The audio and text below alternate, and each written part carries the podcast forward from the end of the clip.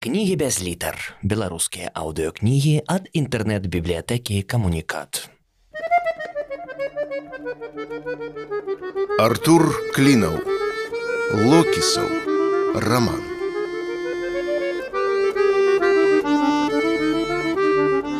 Глава 39. Кожны дзень Локісаў цяпер назіраў за замкам з акна бібліятэкі.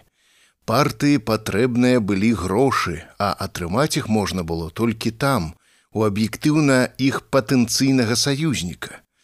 Аднак напярэдадні устаноўчага сходу замак нібы знарок стаіўся і замёр.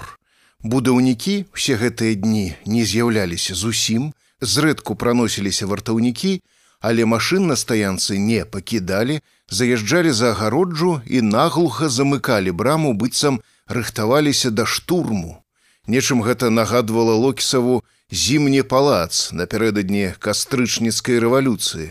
Пагатоў, што кожная гадзіна няўмольна набліжала гадавіну гэтай лёсавызначальнай падзеі. Тэлефон Давіда Якаўлевіча таксама не адказваў. Колькі локісаў не набіраў яго з розных нумароў, вынік быў заўсёды адзін. Пастаўце рашотку на месца і пайшлі нахран. Аднак раніцай трэцяга дня агітацыі Локісаў нечакана сутыкнуўся з ім на пошце, калі купляў чарговыя пачкі чыстай паперы для ўлётак. Якаўлевіч увайшоў у паўпустую залу, але заўважыўшы яго, тут жа падаўся на вуліцу.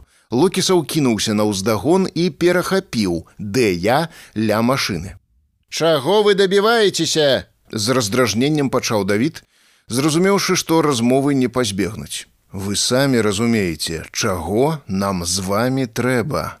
Пры словах нам з вами Якаўлевіч спалатнеў, а з рынкі яго забегалі яшчэ жвавей. Азірнуўшыся па баках, ён суха кінуў: Тут наўкол вочы вусны. Ідзіце за мной. Збочыўшы з-за рог пошты, яны прайшлі ўздоўж агароджы, павярнулі зноў і апынуліся на заднім двары нейкага напалову разбуранага цаглянага будынка, ці то было і пральні, ці то грамадскай лазні. Увайшоўшы ў сярэдзіну праз пустую, без дзвярэй выйму, Якаўлевіч яшчэ раз агледзеўся і істэрычным паўшэптам спытаў: « Гэта каму яшчэ нам! Нам новаму грамадскаму руху, а ў перспектыве можа і парты, спакойна парыраваў локісаў. Пачнём з таго, што мне зусім не ясна, якую гульню вы задумалі. Не, я ведаю, што кожны, хто пачынае вайну, крычыць, што змагаецца за мір. Аднак там хаця б усё відавочна. А што задумалі вы, я абсалютна не ўяўляю. Пакуль зразумела толькі адно: лапіцкі ў шаленстве. Вы яго сваім локісам няма, поўным дурнем выстаўляеце, бо на страху перад локісам Уся яго ўлада трымаецца, а вы апору з-пад ног выбіваеце. Калі б пярэваратня не было, лапіцкі мусіў бы сам яго выдумаць, а дзеля нагляднасці перыядычна яшчэ каго-небудзь і зжыраць, бо хто ён тады без локіса, просто патароча салапатая, якая незразумела, чым усе гэтыя гады тут займалася. Менавіта так. Толькі замак зацікаўлены выбіць апору з-пад ног пракуратара не менш за мяне. Колькі гадоў вы ўжо з ім тайна ваюеце, ці не час аб'яднаць нашы намаганні. Тэарэтычна так, практычна ніякіх шансаў. Чаго вы канкрэтна ад нас хочаце? Нам патрэбныя грошы на выданне газеты. Ды вы што? Давід Якаўлевіч ледзь не падскочыў на месцы. Мы сур'ёзны салідны бізнес, А вы хочаце, каб мы далі грошы на апазіцыйную газету? Чаму адразу апазіцыйную, абурыўся Лукісаў. Наша мэта асвета і барацьба з забабонамі. Што гэта за сярэднявечча, які локіс, на дварэ 21 стагоддзя. Гэта выключана, абарваў яго Давід Якаўлевіч. Нам яшчэ весці бізнес у гэтым сярэднявеччы. Як бы мы да тутэйшай улады не ставіліся, але так вось адкрыта і нахабна сраць ёй на галаву мы не будзем. А калі не адкрыта, таемна, як вы выказаліся пад насерці, я магу абяцаць пра гэта ніхто не даведаецца. Не смяшыце мяне, гаспадзін Локісаў, тут нічога таемнага ў прынцыпе быць не можа. У лапіцкага ўсюды свая агентура. Акрамя таго, ён не дурны чалавек, адразу зразумее, адкуль грошы на ваш асветніцкі лісток узяліся. Хочаце праўду? Дамоўцеся з лапіцкім, упішыцеся ў сістэму. Вы ж таксама пракуратару патрэбныя. Станьце сістэмнай пазіцыяй. Да чаго гэтыя радыкальныя багаборніцкія лозунгі локіса няма. А калі не можаце, тады вам лепш адсюль знікнуць, знікнуць.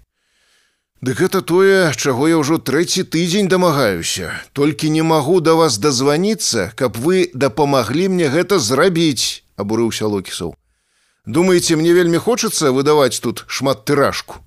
Мне ўсяго толькі трэба, каб вы вывезлі мяне, хай у багажніку машыны да найбліжэйшай вялікай шашы. Што ж вы раней не сказалі? Жалем усклікнуў Якаўлевіч вывесці ў багажніку машыны і ўсяго дзялоў гэта ж расплюнуць расплюнуць ажывіўся локісу дык давайте калі і здымем увесь гэты непатрэбны пасёлку палітычны крызіс на жаль цяпер гэта ўжо катэгарычна немагчыма. Як немагчыма? Чаму немагчыма? Тры дні таму да таго як вы ў палітыку палезлі было магчыма а цяпер ніяк. не быццам са шкадаваннем прамовіў Давід Якаўлевіч. Тады вы былі хто? Просто граф, просто пярэврацень. Не выключана, што забойца грамадзянкі Турмілович. А цяпер вы прабачце лідар апазіцыі. Адна справа нейкага людажэра ці крымінальніка ў багажніку вывесці, а зусім іншая лідара апазіцыі. Ніякі паважны бізнес на такую рызыку не пойдзе. Так што нават не ўгаворвайце, абсалютна немагчыма. Добра, тады дастаньце мне ствол. Я сам праз лес прабяруся. Хаця б гэта вы паважны бізнес можете? Ды вы што? Яшчэ горш! выкаціў вочы Давід Якаўлевіч. Узбройваць апазіцыю. Думайце, што вы прапануеце, Ужо лягчэй адразу камень на шыю і ў студню. Добра, за бізнес я ўсё зразумеў, з прыкрасцю кінуў локісу. Але хоць чым-небудзь вы можете дапамагчы пазіцыі. Толькі гумай, якой гумай, мне адразу зразумеў локісаў. Не, не, што вы не той, звычайнай гумай, што у вас там? Фальксваген? Канешне, будзе не новая, бэушка, але цалкам някепская, да мінска даедзеце. Локісаў прамаўчаў. Добра, все зразумела, дзякуй. На акумулятор БУ таксама не забудьцеся. Расчаравана прамовіў ён нарэшце. Няма за што дзякаваць. Давайте, змагайцеся. У душы мы з вами. Якаўлевіч накіраваўся да выхаду. Я першы, а вы не спяшайцеся, пачакайце хаця б хвілін 5. А вось яшчэ што затрымаў яго локісаў ля дзвярэй. Тры гады таму у замку адбылося забойства. Адкуль вы ведаеце? Давід павярнуўся. Няважна, галоўнае, што ведаеце вы. Вакол замка паўсюль стаяць камеры. У вас мусіў захавацца запіс. Прабачце, гаспадзін Локісаў, першы раз пра гэта чую. Вас відавочна, дэзінфармавалі лепш падбірайце крыніцы інфармацыі Давід Яковлевич куляй выскачыў вонкі